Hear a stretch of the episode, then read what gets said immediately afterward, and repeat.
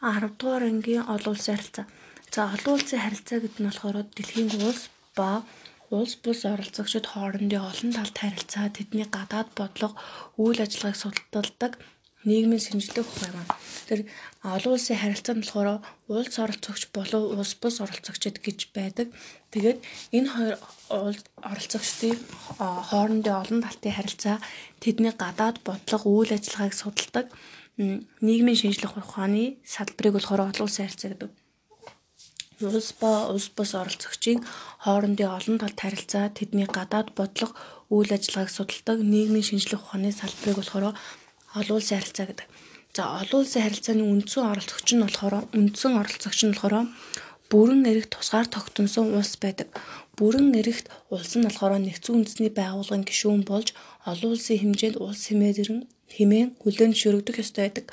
Нэгдсэн үндэсний байгууллагын гишүүн улс хэмээн хүлээн зөвшөөрүүлэхийн тулд улс гүрнүүд хүнд бэрх замыг туулсан байдаг гэж.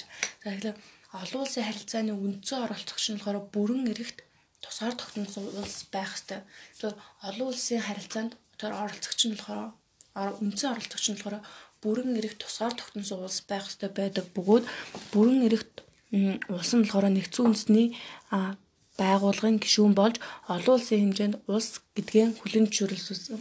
Одоо нэгдсэн үндэсний байгууллагын гишүүн болж олон улсын хэмжээнд улс гэдгээ хүлэн зөвшөөрүүлсэн байх ёстой гэсэн. Тэгэхээр манай Монгол улсын болохоор нэгдсэн үндэсний байгууллагад 1961 онд 101 дэх орноор ирсэн байдаг нь болохоор олон улсын үндсэн оролцогч болохыг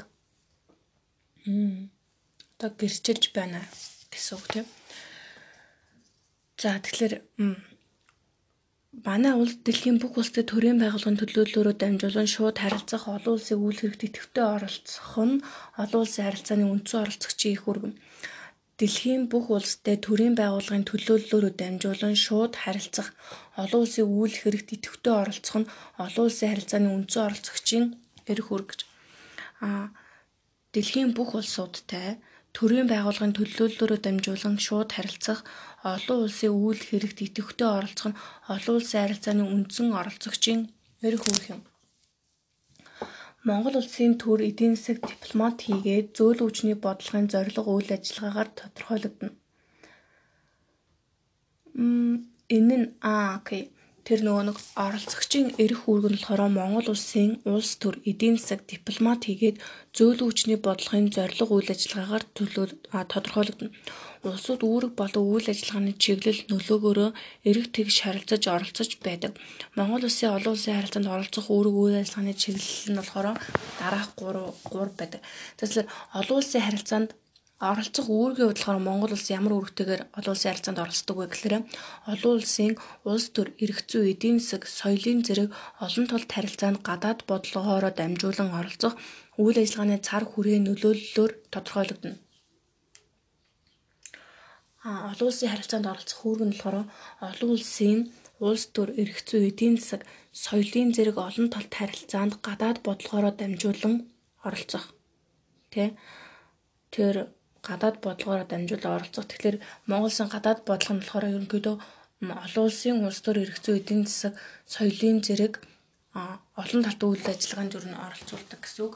За тэгээд оролцох үйл ажиллагааны цар хүрээ нөлөөлөөр тодорхойлогдно. Рестет энэ одоо юу гэсэн юм бол одоо тэр оролцох үүрэг нь үйл ажиллагааныхын цар хүрээ нөлөөлөөр тодорхойлогдно гэсэн үг юм баг та. За ямар ч тач олон улсын харилцаанд оролцох үүрэг нь болохоор олон улсын улс төр эрх зүй эдийн засаг соёлын зэрэг олон талт харилцаанд гадаад бодлогоороо дамжуулан оролцох. За тэгвэл хоёрдугаар болохоор олон улсын харилцаанд оролцох үйл ажиллагааны чиглэл нь болохоор олон улсын харилцаанд улс төр зүй эдийн засаг худалдаа шинжлэх ухаан хүмүүнлэгийн гэсэн үйл ажиллагааны чиглэлээр оролцдог. Улс төр зүй эдийн засаг худалдаа шинжлэх ухаан хүмүүнлэгийн гэсэн үйл ажиллагааны чиглэлээр оролцдог. За хэдэн үрээ улс төр эрх зүй эдийн засаг олон улсын худалдаа шинжлэх ухаан хүмүүнлэгийн гэсэн 6 чиглэлээр оролцдог гэсэн. Улс төр эрх зүй эдийн засаг эдийн засаг гिचэнгүүтээ худалдаа гэд дахиад эдийн засгаас тусдаа салбар гэдэг юм байна. Улс төр эрх зүй эдийн засаг худалдаа, шинжлэх ухаан хүмүүлэн гэсэн үйл ажиллагааны 6 чиглэлээр оролцдог. За тэгээд олон улсын харилцаанд оролцох нөлөө нь болохоор Монгол улс бусад улсын улс төр эдийн засаг соёлын хүч чадах үйл ажиллагааг өөрийн боломжоор хянах үнэлэх явдал юм гэж. Тэгэхээр нэг олон улсын харилцаанд оролцох нөлөө гэдэг нь болохоор тухайн харилцаантай энэ нөлөө нь болохоор maybe тэр тухайн улсынхаа хүч чадлаас хамаарах л та. Тэгэд Монгол улсын хувьд болохоор нэг тийм нөлөөлөх нөлөөлж чадахгүй одоо бага улс учраас тухайн тэр өрнөж байгаа тэр улс төр эдийн засаг соёлын одоо тэр үйл ажиллагаануудыг нь болохоор болон одоо нэг хянах одоо тэр үйл ажиллагаанууд зөв явж гэнэ үү буруу явж гэнэ үү гэд ерөнхийдөө тийм хянах а үнэлэх тийм нөлөөтэйгээр олол зарилцаанд оролцдог гэсэн. За тэгэхээр дараа нь болохоор Монгол улс цөмийн зэсэгтэй хоёр гүрний дунд орчдгийнхоо хувьд 1990 оноос өөрийн язгуур ашиг сонирхлыг шууд хөндөөгөө тохиолдод хоёр хэршигээ маргаанд нь үйл оролцох төвийг сахих нутаг дэвсгэрээ бусад улс орон түүний дотор хөрш орных аюулгүй байдлын эсрэг ашиглуулахгүй байх чиг үүрэг бүхий гадаад бодлого баримталж байна. Окей. Монгол улс нь болохоор одоо хятад оросгоо хоёр хоёр том гүрний дунд орсож байгаа. А тэгэнгүүт энэ хоёр улс нь болохоор хоёулаа цөмийн зэвсэгтэй орнууд учраас 1990 онд болохоор өөрийнхөө язгуур а тэгээ одоо тэр манай улсын язгуур ашиг сонирхол шууд хөндлөгдөөгүй тийм тийм тохиолдолд бол хоёр хөршийн маргаанд бол оролцохгүй.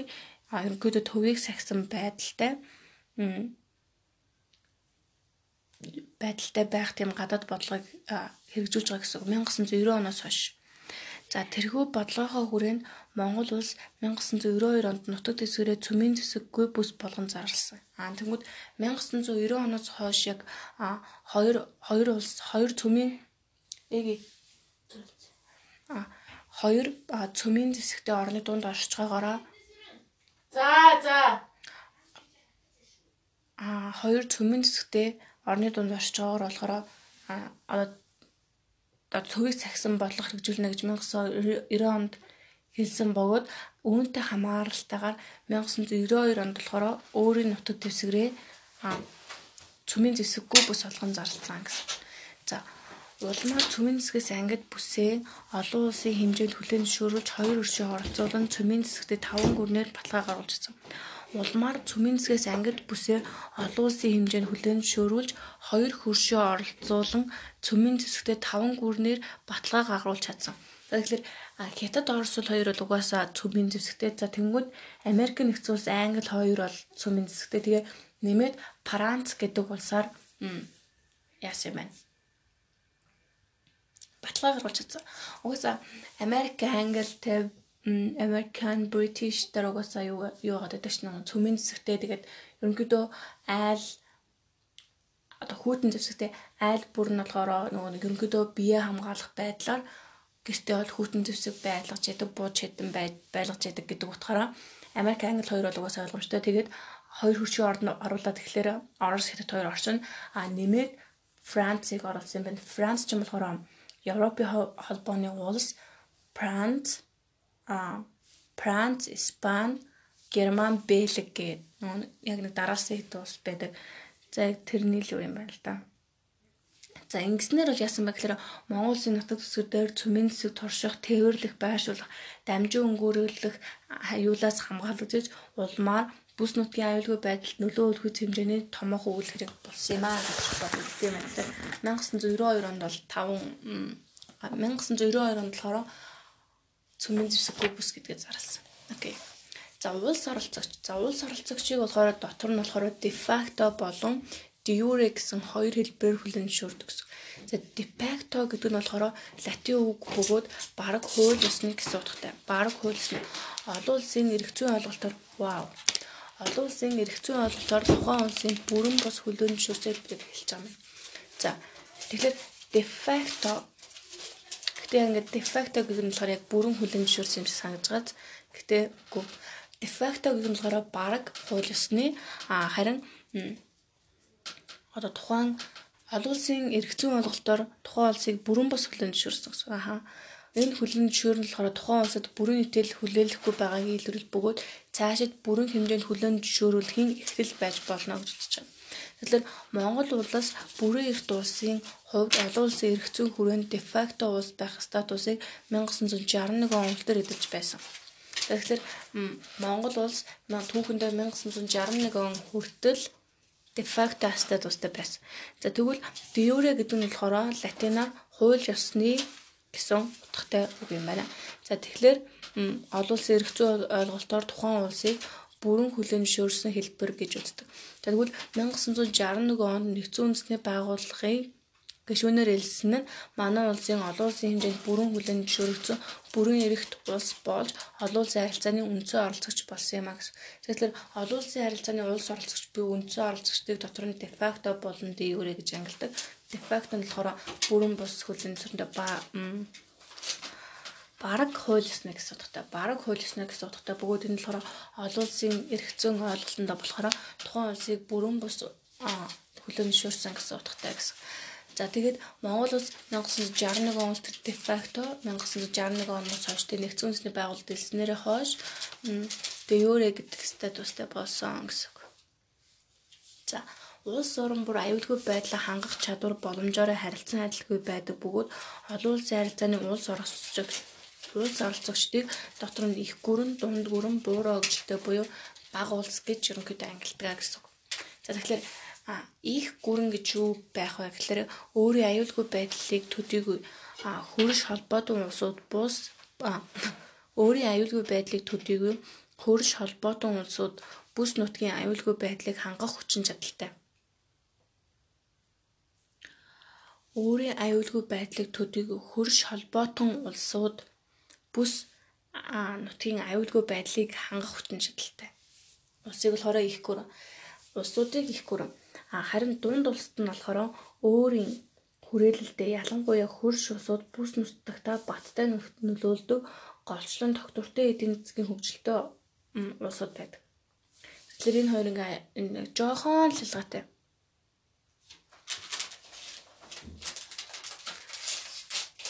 Хөрш холбоотой улсууд болон бүс нутгийн аюулгүй байдлыг болохоор их гүрэн нь болохоор яах вэ гэхлээр өөрийн аюулгүй байдлыг төдийг хөрш холбоотой улсууд бүс нутгийн аюулгүй байдлыг хангах хүчин чадалтай хангах аюулгүй байдлыг хангах хүчин чадалтай гэхлээр л маш хүчин чадалтай гэж аахгүй.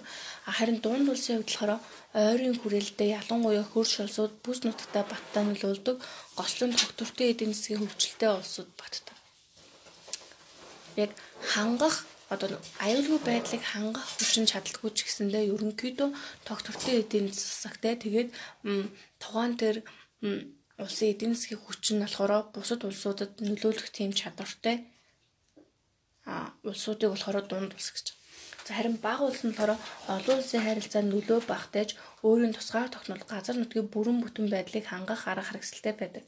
Тэгэхээр бага улс нь болохоор яг олон улсын харилцаанд нөлөө багтаж гэсэндээ өөрийн тусгаар тогтнол. Газар нутгийн бүрэн бүтэн байдлыг хангах чадвартай хангах тийм арга хэрэгсэлтэй улсыг болохоор ерөнхийдөө баг улс гэж нэрлэдэг байна. За тэгээд баг улсууд нь хөгдөж байгаа болон буурай эдийн засгийн хөгжилтэй түүхийн үед гадаадын хөрөнгө оруулалт зээл тусламжаас эдийн засгийн ихээхэн хамааралтай олон улсын харилцааны эзлэх Улс төрийн жин нөлөө багтай өөрийгөө хамгаалах хангалттай цэрэг зэвсэг төвчнгөө байдаг. Баг улсууд нь болохоор хөгжиж байгаа болон буурай эдийн засгийн хөгжилтэй. Түүхийн үед гадаадын хөрөнгө оруулалт зээл тусламжаас эдийн засаг нь ихээхэн хамааралтай олон улсын харилцаанд эзлэх улс төрийн жин нөлөө багтай өөрийгөө хамгаалах хангалттай цэрэг зэвсэг төвчнгөө байдаг. Гэвч баг улсууд нь үл хаанзаарагдах мэд боловч олон улсын харилцааны хамгийн чухал оролцогчид болж идэг. Өөрөөр хэлбэл баг улс нь хэдийгээр өөрийн гадаад бодлогын хүчин чадал багч гэсэндээ дэлхийн улсуудын 3-2 нь энэ ангилалд багтдаг. Эдгээр баг улсгүйгээр олон улсын харилцаа өрнөхгүй. Окей. За тэгэхээр баг улс нь болохоор ерөнхийдөө онцлог шинжинд болохоор хөгжиж байгаа болон буур эдийн засгийн засагтай тэгээ энэ эдийн засаг нь болохоор бусад одоо дунд ус бол их гүрнээс зээл тусламжийн хамааралтай тэгээд нэг тиймэрхүү улсууд юу байдаг. А тэгэнгүүтээ энэ бага улсууд болохоор одоо дэлхийд одоо ингээд 100 одоо 90 эдэн улс байгаа. Maybe 200 гарсан уу. За тийм улсууд байгаа. А тэнгуүтэй ингээд баг улсууд нь болохоор ингээд нэг тийм нөлөө багтай юм шиг боловч дэлхийд дээр 100 хэдэн 90 улсын 3-ны 2 нь баг улс байдаг. Тэгэхээр олон улсын харилцаа болохоор баг улсгүйгээр өрнөх боломжгүй байдгаа гэсэн үг. Аа. Даяаршлын үед болохоор баг улсуудыг дэлхийн а юу лээ? Даяаршлын үед баг улсуудын дэлхийн хамтын нийгэмлэгдэх байр суурь үүрэг ач холбогдол болохоор өсөн нэмэгдэж байгааг нөхцөл үндэсний байгуун зүгээр цохон нэмэгдсэн байдаг.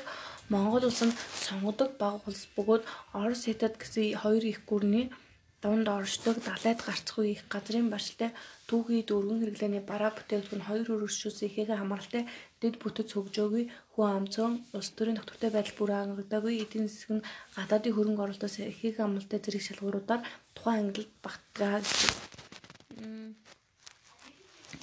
За энэ одоо гэтээ яг сонгодог баг уулз гэдэг нь болохоор ингээд сонгодог гэж сайн гэдэг юм уу? Ингээд сонгодог баг уулз гэхэлэр бүр яг онцгой баг улс гэж жоохон яалаад байгаа юм уу? I think I don't know that meaning. Э, ямар ч тач Монгол улс нь болохоор сонгодог баг улс. Тэгээд Орос хятад гэсэн хоёр их гүрний дунд оршд. За их гүрэн гэдэг чинь болохоор өөрийн аюулгүй байдлыг төдөөгүй хөрш холбоотой улсууд бүс нутгийн аюулгүй байдлуудыг хангах чадвартай тийм хоёр их гүрний дунд оршдог. А тэгэнгүүтээд мэдээж далайд гарцгүй их газрын барьцалтай түүхийд өргөн хэрэглээний бараа бүтээгдэхүүн мэдээж хоёр хөрсөөс ихэх амралтай а бүр ялангуяа хаттаас ихэх амралтай. Мэдээж дэд бүт цогжоогүй төвжрэлтэй хүн ам нь цөөхөн зөвхөн 3 сая хүн амтай. Тэгээ улс төрийн тогтвортой байдал бүрэн хангагдаагүй. Эдийн нь гадаадын хөрөнгө оруулалтаас ихээг хамралтай зэрэг шалгууруудаар сонгодог баг улс гэсэн а юу багтдаг англи багтдаг. За тэгэхээр олон улсын харилцаа. За тэгвэл ингээд ерөнхийдөө олон улсын харилцааны улс оролцогчд ингээд дуусчихаа гэсэн. Улс оролцогч нь болохоор дотор их гүрэн дунд ус баг улс гэж ангилагддаг. Баг улс нь болохоор энэ улсуудын 3-2-ыг эзэлдэг. Яа. За тэгэнгүүт дараа нь ямар асуудал гарч ирэх вэ гэхээр а юу гэж юу юм бэ? Олон улсын харилцааны улс бус оролцогч гэж юу юм бэ гэдэг тийм зүйл гараад ирнэ. За тэнгуү тэр нь юу вэ гэдгээр засгийн газрын оролцоо дэмжлэггүйгээр улс үндэстэн дамсан янз бүрийн оролцогчид м олон улсын байгууллага хоорондын харилцаа хамтын ажиллагааг голчлоо авч үздэг. За maybe яг энэ дээр яг гоё тодорхойлсон. 11-ийн номд гоё тодорхойлсон. Гэтэ ер нь бол мөн л дөө а ерөнхийдөө засгийн газрын оролцоо дэмжлэггүйгээр улс үндэстэн дамсан үйл ажиллагаа явуулдаг глобал түвшний оролцогчид тоглогчид олон улсын байгууллагыг хамруулан ерөнхийдөө улс бус оролцогчиж үздэг. Улс оролцогчд гэхлээр нөгөө нэг дандаа улсууд байгаад гэсэн чинь их гүрэн хамаардаг улсууд, дунд улсад хамаардаг улсууд, бага улсад хамаардаг улсууд гэдэг дандаа улс байгаад байсан бол олон улсын харилцааны улс бус оролцогчд нь болохоор засгийн газрын оролцоо дэмжлэггүйгээр улс үндэстэн дамсан янз бүрийн одоо үйл ажиллагаа явуулдаг глобал түвшний оролцогчид тоглогчдыг өнөхөдөө хэлж байгаа гэсэн. Одоо ингээд засгийн газрын хамааралгүйгээр үйл ажиллагаа явуулдаг стартапууд байж болно тий. Тэнгүүдээ Монгол салбартай, Сингапур салбартай, тэгээд Малайз салбартай ч юм тиймэрхүү.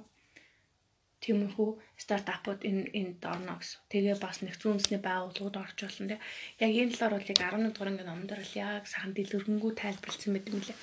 За тэгвэл ингэж цааш тавьчих юм бол За үндэстэн дамнасан корпорац нь үйл ажиллагаагаараа олон улсын шинж чанартай гадаадд хөрөнгөтэй үндэсний компани хаа үндэстэн үндэстэн дамнасан корпорац нь болохоор үйл ажиллагаагаар олон улсын шинж чанартай үйл ажиллагаар үндэстэн дамнасан корпорац гэхлээр одоо юу гэсэн үг л те maybe Японы Toyota орж олохоох одоо ингээд Японд ингээд салбартай Японд одоо ингээ яг одоо их салбар байгаа а тэнгуүтэй Америк дахиад нэг салбартай гэдэг ч юм уу те Тийм болохоор ингээд үндэстэн дамнаад улс дамнаад байгаа гэсэн тийм.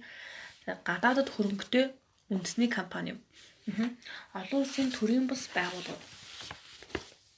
Олон улсын төрийн бас байгууллагууд нь болохоор олон улсын засгийн газар хоорондын гэрээ хэлэлцээгээр үүсгэн байгуулагдаагүй ашигын бус хоёроос дээш улсаас хандив авч үйл ажиллагаа явуулдаг аливаа улсын аливаа олон улсын байгууллага хэлнэ. Эдгээр нь голчлог хүмүүнлэгийн болон шашны чиглэлээр үйл ажиллагааг цаажаараа. олон улсын төрийн бус байгууллагууд нь олон улсын засгийн газар хоорондын гэрээ хэлэлцээрээр үндэслэн байгуулагдаагүй. Олон улсын засгийн газрын засгийн газар хоорондын гэрээ хэлэлцээгээр үүсгэн байгуулагдаагүй. Ашигын бус хоёроос дээш улсаас хандив авч үйл ажиллагаа явуулдаг аливаа олон улсын байгууллага. Энэ ямар сони аа нөгөө нэг олон улсын засгийн газар хоорондын гэрээ хэлэлцээрээр яг байгуулъя гэж байгуулагдаагүй а тэгээд байгуулагдсан ашиг юм бол а тэгэнгүүтээ хоёроос дээш тийм улсаасаа хандив хандив авд юм байна. Хандив авд нь сонь сонсогдчихлаа. А яагаад вэ гэхээр яг нэг гэрээ хэлэлцээрээр байгуулагдаагүй юм байж хандив авч ажилладаг гэхлээр. little bit stranger За гослон хүмүүсийн болон шашны чиглэлээр үйл ажиллагаа явуулдаг байгууллагууд болохоор олон улсын төрийн бас байгууллагууд голчлон байдаг гэсэн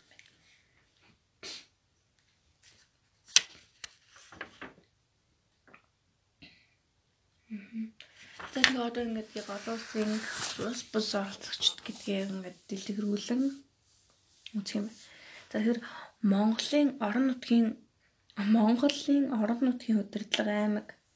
Энд юу гэсэн? Монголын орон нутгийн удирдлага аймаг гэж одоо fuck. За за тэр яг орон нутгуудын удирдлага аймаг сумдын засаг дарга.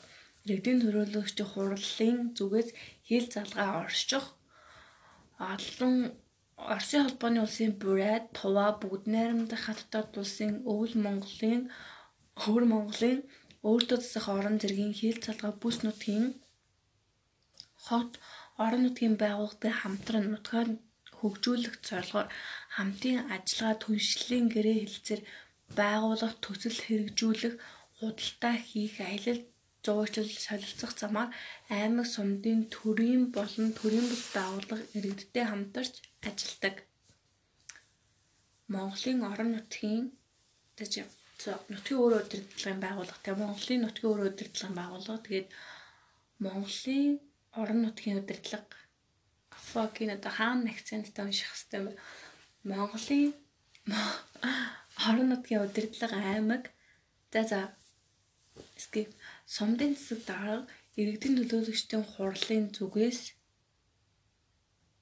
за тэр хил заалгаж байгаа л тэр Оросын холбооны бурайд болон хятадын одоо өвөр Монголтой одоо хил залгаа орж байгаа л тэр юунууд юм болов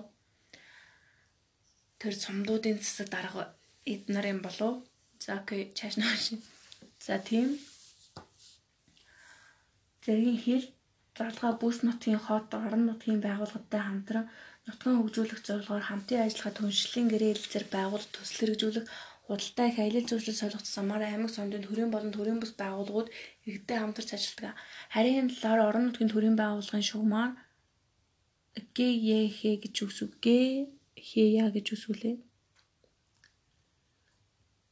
А Г ГХ яд мэдээлж зөвлөж Монгол улсын хууль тогтоомжийг мөрдөж ажиллах нь чухал юм аа. А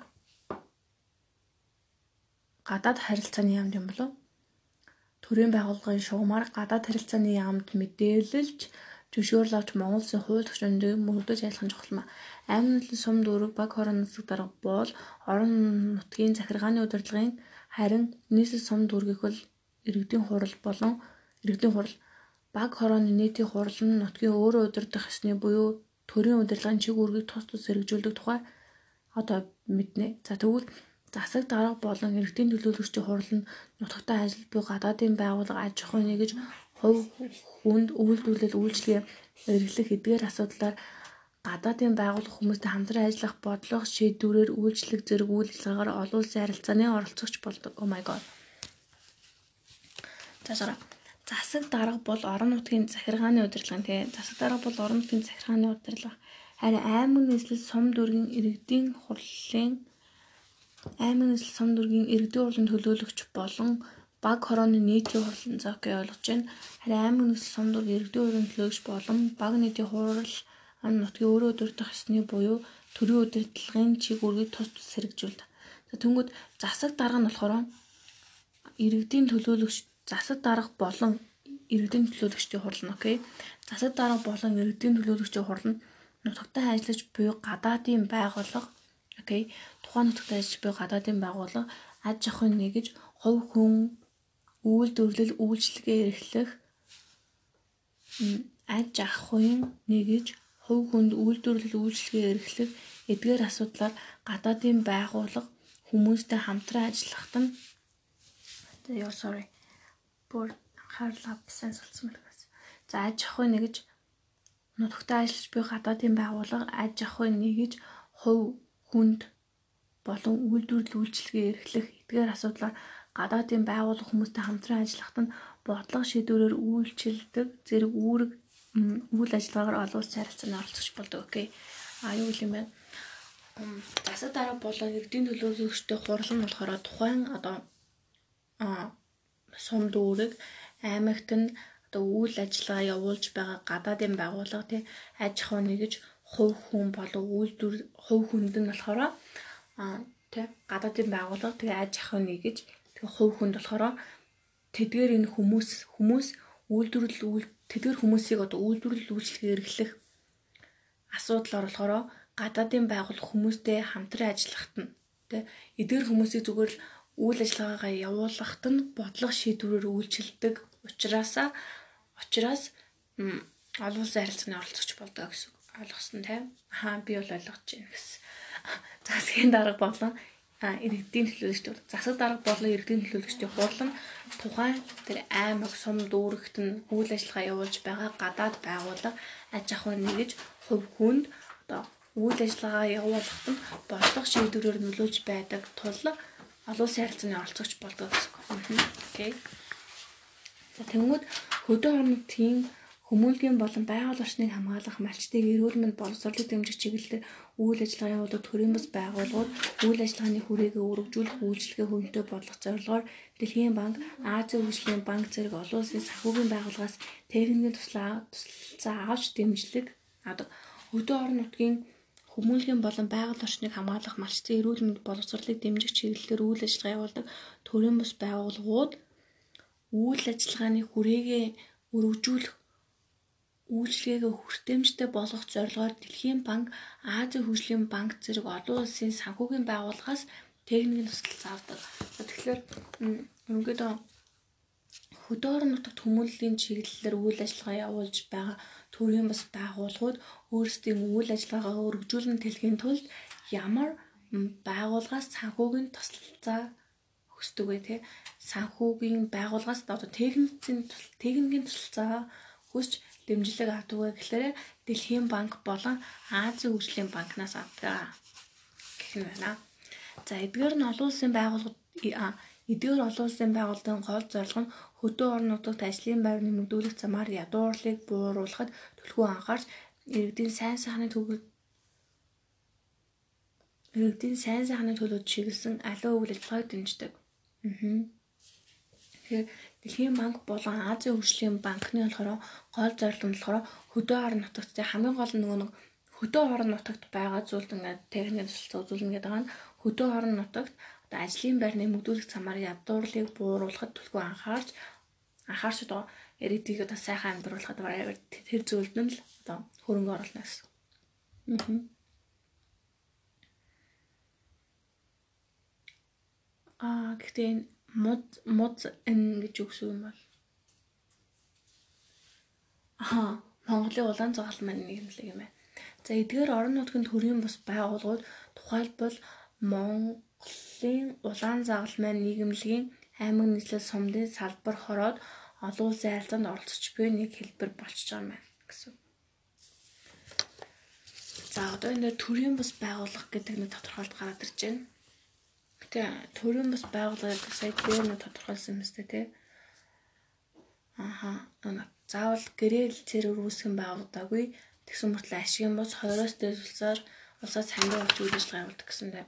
За тэгвэл энэ дээр юу гэж байна гэхээр төрийн бас байгуулга нь төр засгийн оролцоогүйгээр сайн дурын үндсэн дээр иргэдийн санаалсан үйл хэрэг хөрвүүлж улс үндэстэн дамсан төрөл бүрийн байгууллага, олон улсын байгууллага хоорондын харилцаа, хамтын ажиллагаанд тодорхой үүрэг чиглэлээр оролцож нөлөө үзүүлдгээрээ олон улсын харилцааны оролцогч болно. Тэгэхээр орлон улсын төрийн бас байгууллага гэхлээр хамын төрөнд юу нэрлэж болох вэ гэхлээр Amnesty International гэдэг хүний эрхийн байгууллагыг нэрлэж болно гэсэн үг. Энэ болохоор ямар ч тийм төр зэсгийн оролцоогүйгээр хүмүүсийн сайн дурын үндсэн дээр иргэдийн санаачилсан үйл хэрэг өргөжөж төрийн бас байгууллага болно гэсэн үг.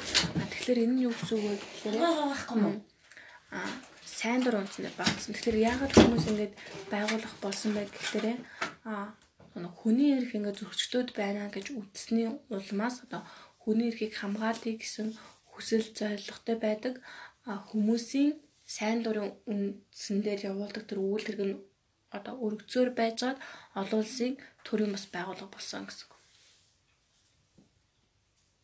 За тийм байна. Иргэн за тэгвэл иргэн яаж олон улсын харилцаанд оролцож болох вэ те?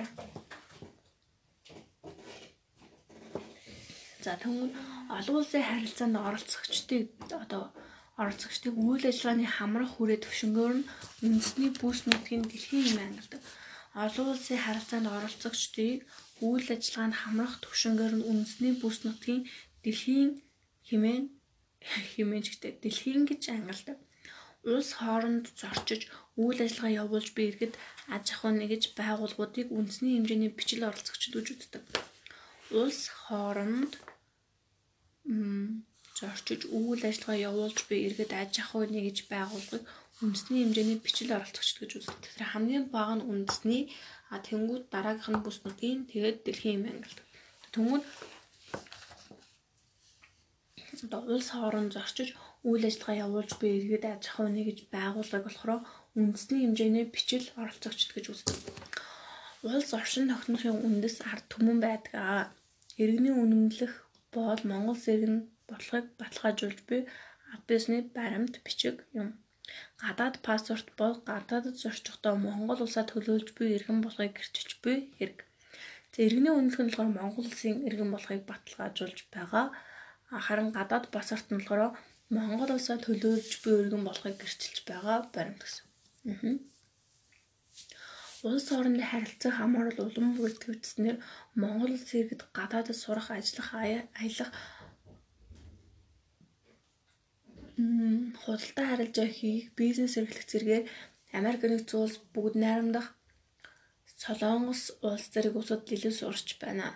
Тэдгээр иргэд нь Монгол зэрэгний ханиат боловч амьдрах орчноо сайн дураараа сонгож буй нь үндсэн хууль заасан эрхээ эдэлж байгаа тийм явдал юм аа.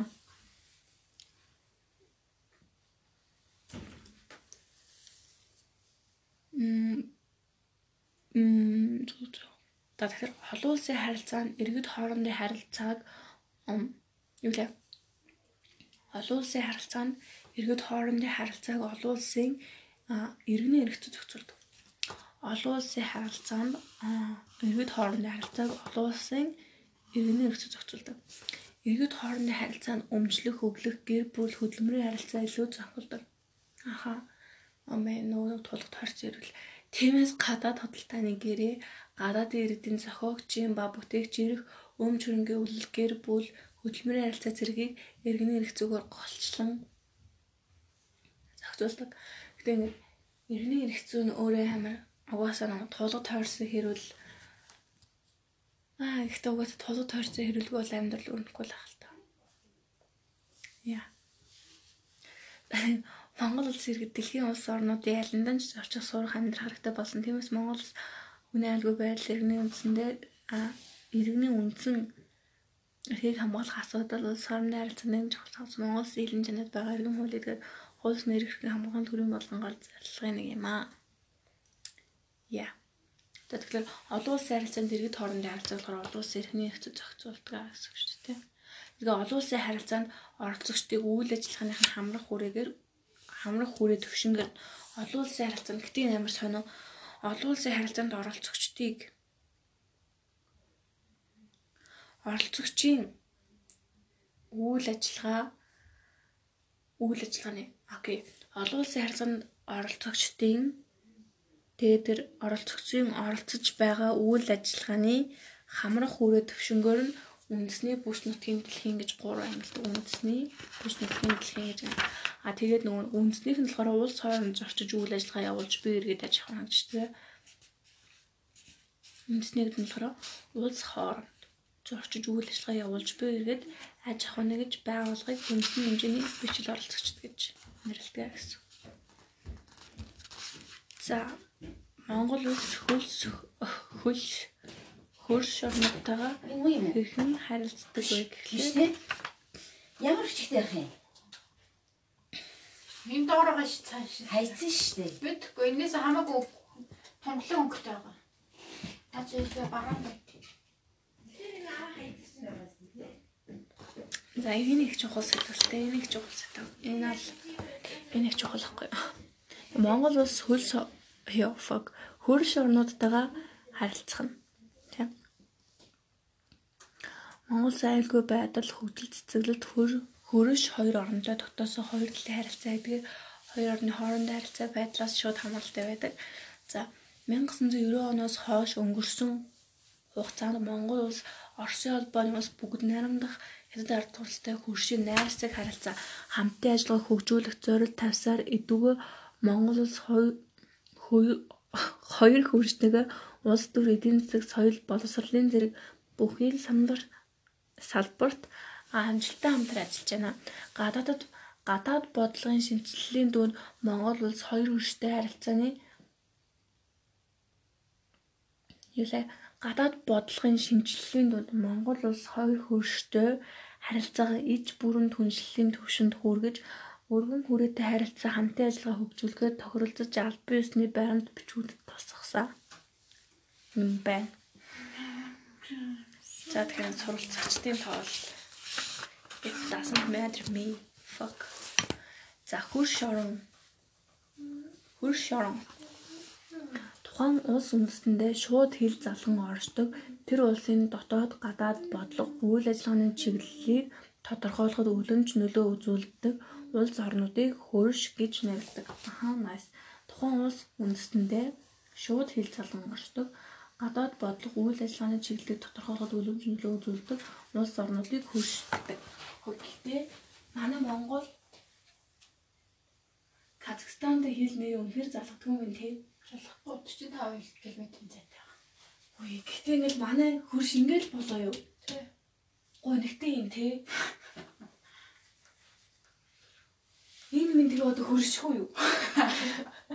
Хөршиг өгш. Австрал бүр хөршгүй нас. Гэхдээ одоо энэ ингээ Америк байгаа шүү дээ. Канад бургонэгтэй биш ганцхан шүү дээ. Ингээ Америк байгаа да. Англи хадгалаа. Англи их Британь ч аана гэдэг үлээ. Энэ апдейтээс нэгтэй хатан багтаа. Хотлааха. Энэ Вау, энэ юм уу? Үй англи ч нэрэ те Лондонгоор ч нөгөө нэг цагийн юу дайрч өнгөрдөг дээ. Тэгэхээр яалч юу нэ байна л да тий. Oh my god. Би өөрсөө их портог энд байдаг гэж төсөөлөв гэсэн. Тэгээ Франц, Францын дээр гэдэг юм шүү. Аа, тэгээ Лондон юм.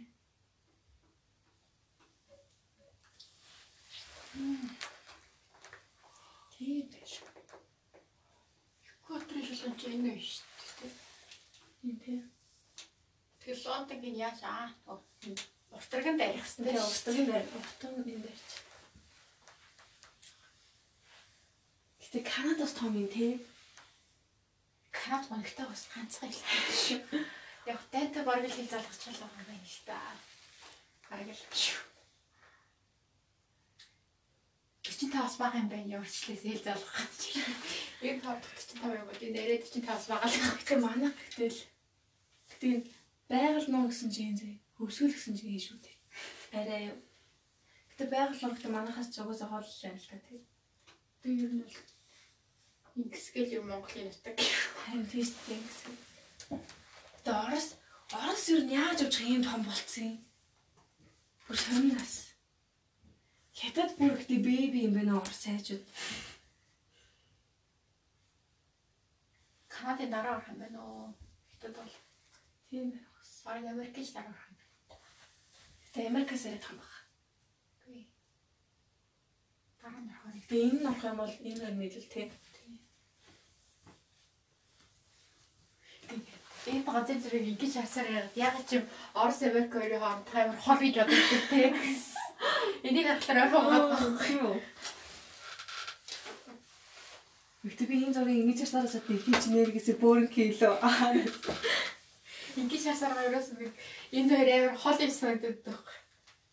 Би ч одоо Америкас эндээс ийшээ өгөөл ингэж нэгсэн зэрэглэр амар хол байгаа. Амар хол юм гэж шууд игэлцэж юм байл шүү дээ.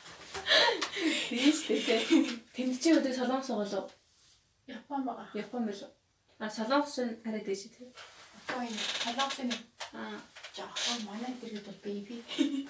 солонгос Манай юм биш жоохон юм шиг чи. жоохон бах уу.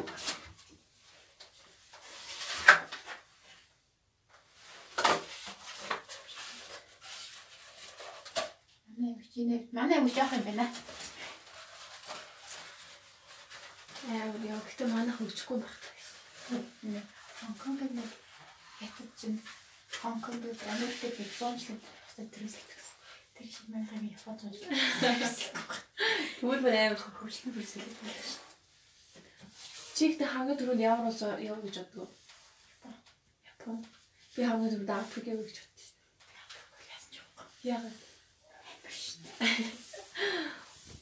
За тэгчихлээ. Тэг тэгээд бисээ юу арах гэж явсан бэ гэхээр нөө Монголын хөршүүдийг харах гэж явсан чинь Монгол угаасаа хоёр хөрштэй байна. Тэ. Гонхтой санагдаад бүр ямар болчихлоо. За тэгээд мөнхийн дайсан гэж байхгүй мөнхийн хөрш гэж байдаг гэж болохоор 20 дугаар зууны шилдэг улс төрч Winston Churchill гэсэн байдаг. За манайх болохоор хоёр том хөршдөг болохоор тэнцвэртэй харилцах бодлого баримтлагдаг. М, Хоёр хөршдөөгөө тэнцвэртэй харилцах бодлого баримтлагдаг. Тэнцвэртэй харилцах нь болохоор Монгол Улсын төрийн гадаад бодлогын үндсэн зарчим юм аа. Аха. Тэнцвэртэй харилцах нь Монгол Улсын төрийн гадаад бодлогын үндсэн зарчим. Тэнцвэртэй тэнцвэртэй байх гэх нь Монгол улсад хоёр хөршийн зүгээс үзүүлэх харилцааны эрэг сөрөг нөлөөг нэг талд нь хэд хэлбэлэхгүй тэнцвэртэй байдлыг хангах гэсэн агуулгаар ойлгодог. Монгол улс хоёр хөрштөөгөө стратегийн түншлэлийн харилцаа байгуулсан. Монгол улс хоёр хөрштөөгөө стратегийн түншлэлийн харилцаа байгуулсан. Энэ нь улс орнуудын тусгаар тогтнол нутаг дэвсгэрийн бүрэн бүтэн байдал дотоод хэрэгт үйл оролцох тэгш эрэхтэй харилцан ашигтай ашигтай хөгжлийн нийтлэг эрх ашиг сонирхлыг тэргүүн зэрэг тавих улс бүрийн ялгаатай хөгжил ялгаатай соёл иргэншил амьдралын хэв маягийг ойлгон хүндэтгэх зөвшлийн үндсэндээр шийдвэр гаргах үйл ажиллагаа юм а гэж. Энэ нь болохоор улс орнуудын тусгаар тогтнод нутаг дэвсгэрийн бүрэн бүтэн байдал дотоод хэрэгт үйл оролцох тэгш эрэхтэй харилцан ашиг а, ашигтай хөгжлийн нийтлэг эрх ашиг сонирхлыг тэргүүн зэрэг тавих улс бүрийн ялгаатай соёл иргэншил амьдралын хэв маягийг ойлгон хүндэтгэх зөвшлийн үн- үндсэндээр а, шийдвэр гаргах үйл ажиллагааг болохоор ерөнхийдөө тэгш тэнцвэртэй байх гэж байна. За тэгэхээр хоёр хөрштөөгөө харилцах зарчим. Сайн хөршийн зарчим тэнцвэртэй наашсаг олон тулгуурт хамтын ажиллагаа стратегийн түншлэл М, Сайн хөршийн харилцаа тэнцвэртэй наарсаг олон толгуурт хамтын ажиллагаа стратегийн түншлэл. Сайн хөршийн харилцаа тэнгуүдээ стратегийн түншлэл тэнгуүдээ тэнцвэртэй наарсаг олон don't.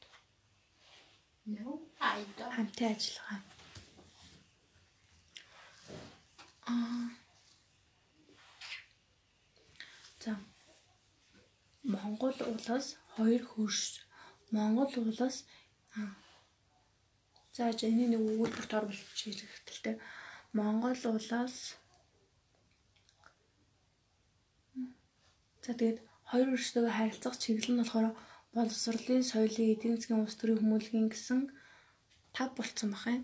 А энэ дээр нөгөө нэг худалдааных нь юу алга болцсон байна. Аа.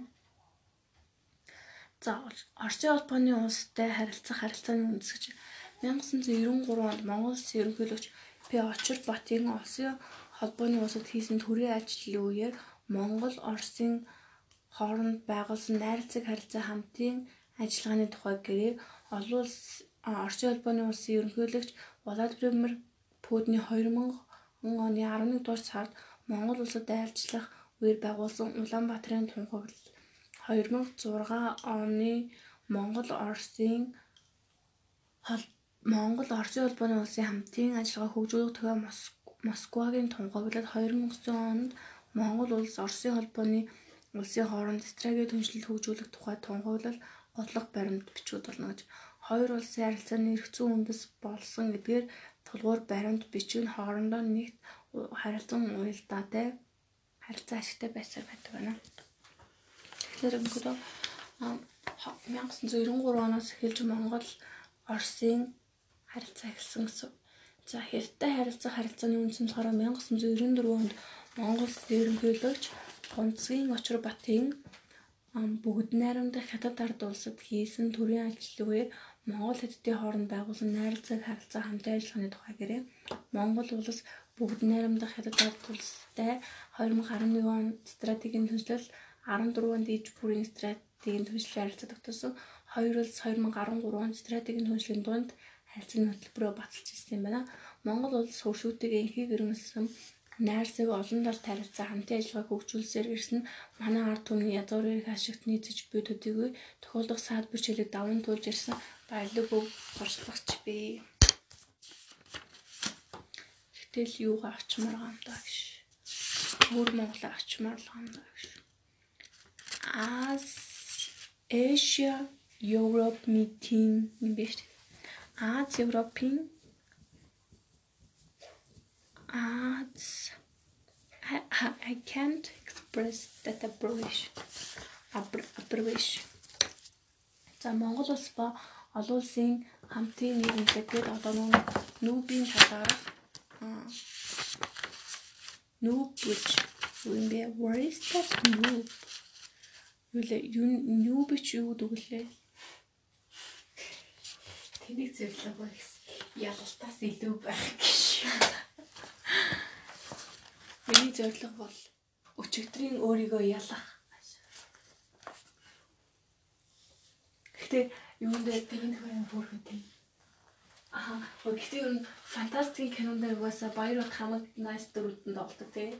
Гэтэ угаасаа сайн л дацаач. Тэгээ баяр бат юм дээр нэг юм дээр тоглолт шүү. Бата богд дээр Японы цэг болж тоглолт шүү. Аа тийм үү би байтгууд өгч байгаа. Э нэг нэг чаленж дээр ингэ үүзгээд идэх байхгүй.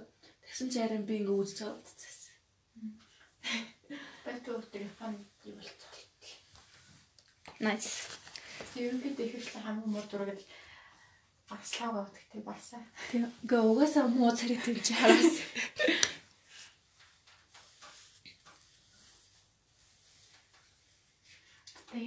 Хөр харагддаг. За тэгэхээр олон улсын засгийн газар хоорондын хамтын түгээмэл нээлттэй улс орондын харилцаа хамтын ажиллагааны хамгийн олон салбар чиглэлийг хамардаг байгууллага бол нэгдсэн үндэсний байгууллага. Гэтэ нүүбийн лого нэмэр pretty юм л ш.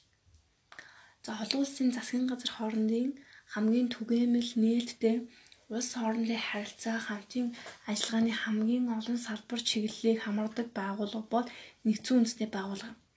Америк нэгдсэн улсын Сан Франциско хотноо анх 51 улсын оролцоотойгоор Анугийн Сан Франциско юм байна.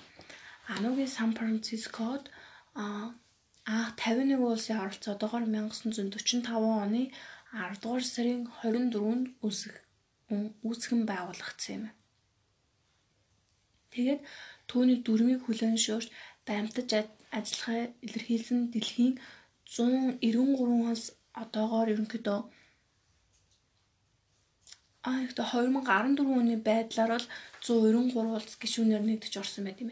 Тэгэд нэгдсэн үндэсний байгууллага нь олон улсын мэгтавын аюулгүй байдлыг сахин хамгаалах улс гүрнүүдийн хооронд эрэх тэгш өөртөө засан тохинох зарчмыг хүндэтгэх, найрсаг харилцааг хөгжүүлэх, нийгэм эдийн засаг, соёл хүмүүлгийн шин чанартай олон улсын асуудлыг шийдвэрлэх, арсны өнгө, хүүсгэл, шашин шүлгийг үл харгалзах хүний үндсэн эрх хэрэг чөлөөг хүндэтгэх явдлыг хөгжүүлэн дэмжих талаар олон улсын Юулаа олон улс орнуудын хамтын ажиллагааг уялдуулан зохицуулах үндсэн зорилгыг өмнө тавьдаг. Гэтэ бол угаасаа юу л дээ. Нүүби чинь нүүб юу нэг яагаад байгуулагдсан бэ гэхээр яг нэг ингээд байгуулагдсан нь 1945 он гэж байгаа байхгүй. Тэгэхээр 1945 онд яг юу болж исэн бэ гэхээр 1945 онд дэлхийн 2 дугаар дайн одоо дууссан. Тэгээд дэлхийн 2 дугаар дайн дууссан дуусгаад болохоор маш олон хүмүүс үргэлжсэн байсан. Тийм учраас ингээд ингээд хүмүүсийн эрхийг хамгаалах хэрэгтэй байна гэдэг зорилгоор ингээд нэгдсэн үндэсний байгууллага ерөнхийдөө 1945 оны 10 сарын 24-нд байгуулсан. Тэгэхээр ерөнхийдөө зорилго нь болохоор ерөөсөө хүний эрх хэрэгчлийг хамгаалах, тэгээд тэр хүний эрх хэрэгчлийг хөвөлд нэмжих тийм зорилготой болох.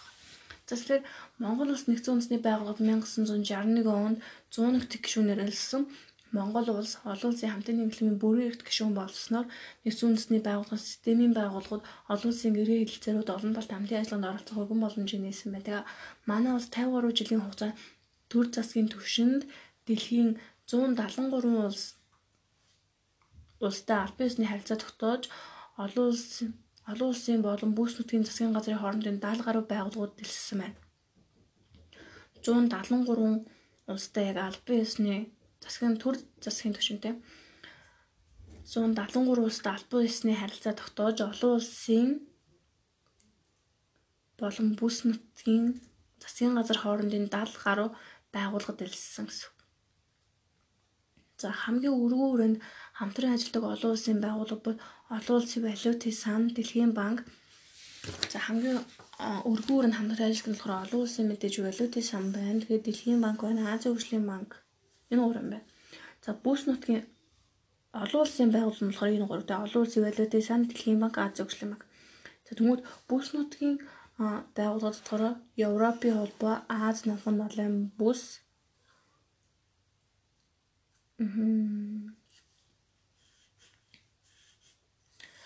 А.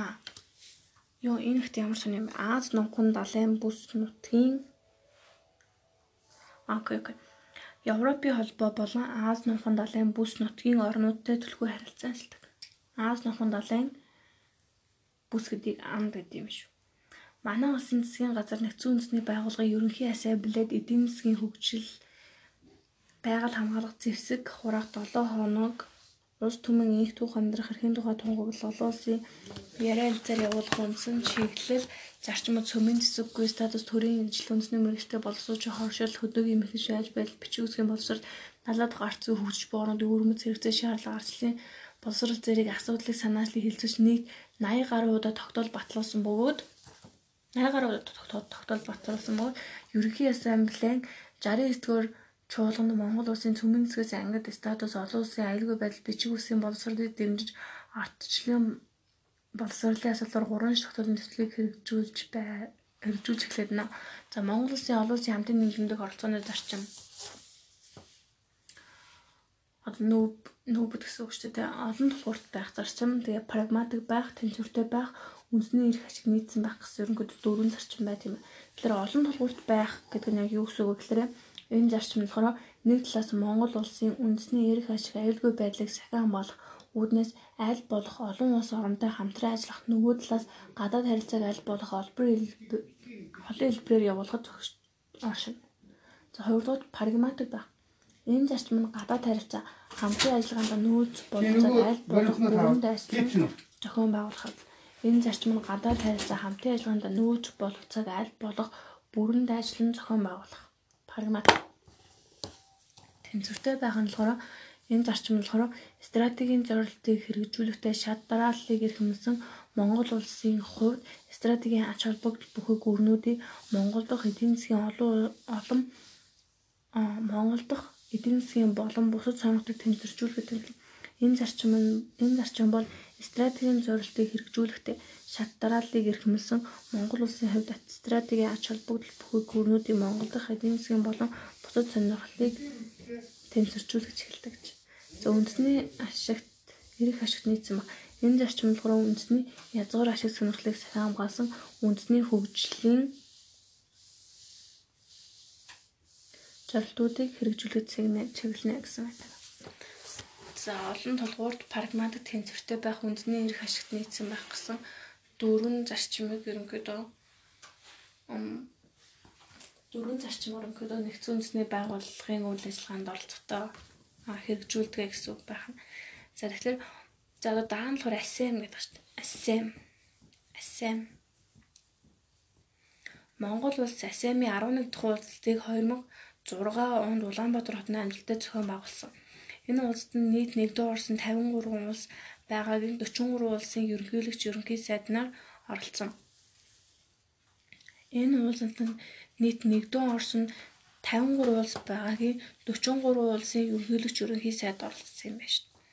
Анх Аз Европын хамтын ажиллагааны асуудлыг хэлэлцэхгээд дээд хэмжээний уулзалтыг санаачлагыг Сингапур, Францын удирдагчид 1994 онд гаргаж анх анхны дээд хэмжээний уулзалтыг болохоор 1996 онд Таиландын нийслэл Бангкок хотноо болсноор Асами эхлэл тавигдсан. 1996 онд Таиландын нийслэл Бангкок хотноо болсон байна 1904. Өдгөө болохоор дэлхийн 53 орныг нэгтгэсэн өдөө томоохон уулзалт болж чадсан. Тэгвэл Асемийн дээд хэмжээний уулзалт нь эрэг тэгш төмсөл харилцан ихтгэл суурилсан Аз Европын стратегийн яриа хэлцээ үр ашигтай хамтын ажиллагааг эрчимжүүлэх зорилготой уулздаг. 2006 онд Финландын нийслэл Хельсинки хотноо Монгол улс Асемийн 6 дугаар уулзалтын үеэр анх нэгдсэн 2006 онд болохоор Финландын нийслэл Хельсинки гэдэг хотод нэгдэж орсон юм. Уулзалтанд нэгдэж орсноор Монгол улсын улс төрийн гадаад харилцааны бодлогын зорилго болох улсын аюулгүй байдал хөгжил дэвшлийг хангах таатай гадаад орчин бүрдүүлэх дипломат болон консулын харилцаа хөгжүүлэх нөлөө бүхий улсуудтай харилцааныхаа түвшинг дээшлүүлэх олон улсын байгууллагын үйл ажиллагааг идэвхжүүлэх дэлхийн нийтийн тулгымцсан асуудлыг шийдвэрлэхэд хувь нэмрээ оруулах боломж бүхий ба тийм нөхцөл байдал бүрдүүлэх юм.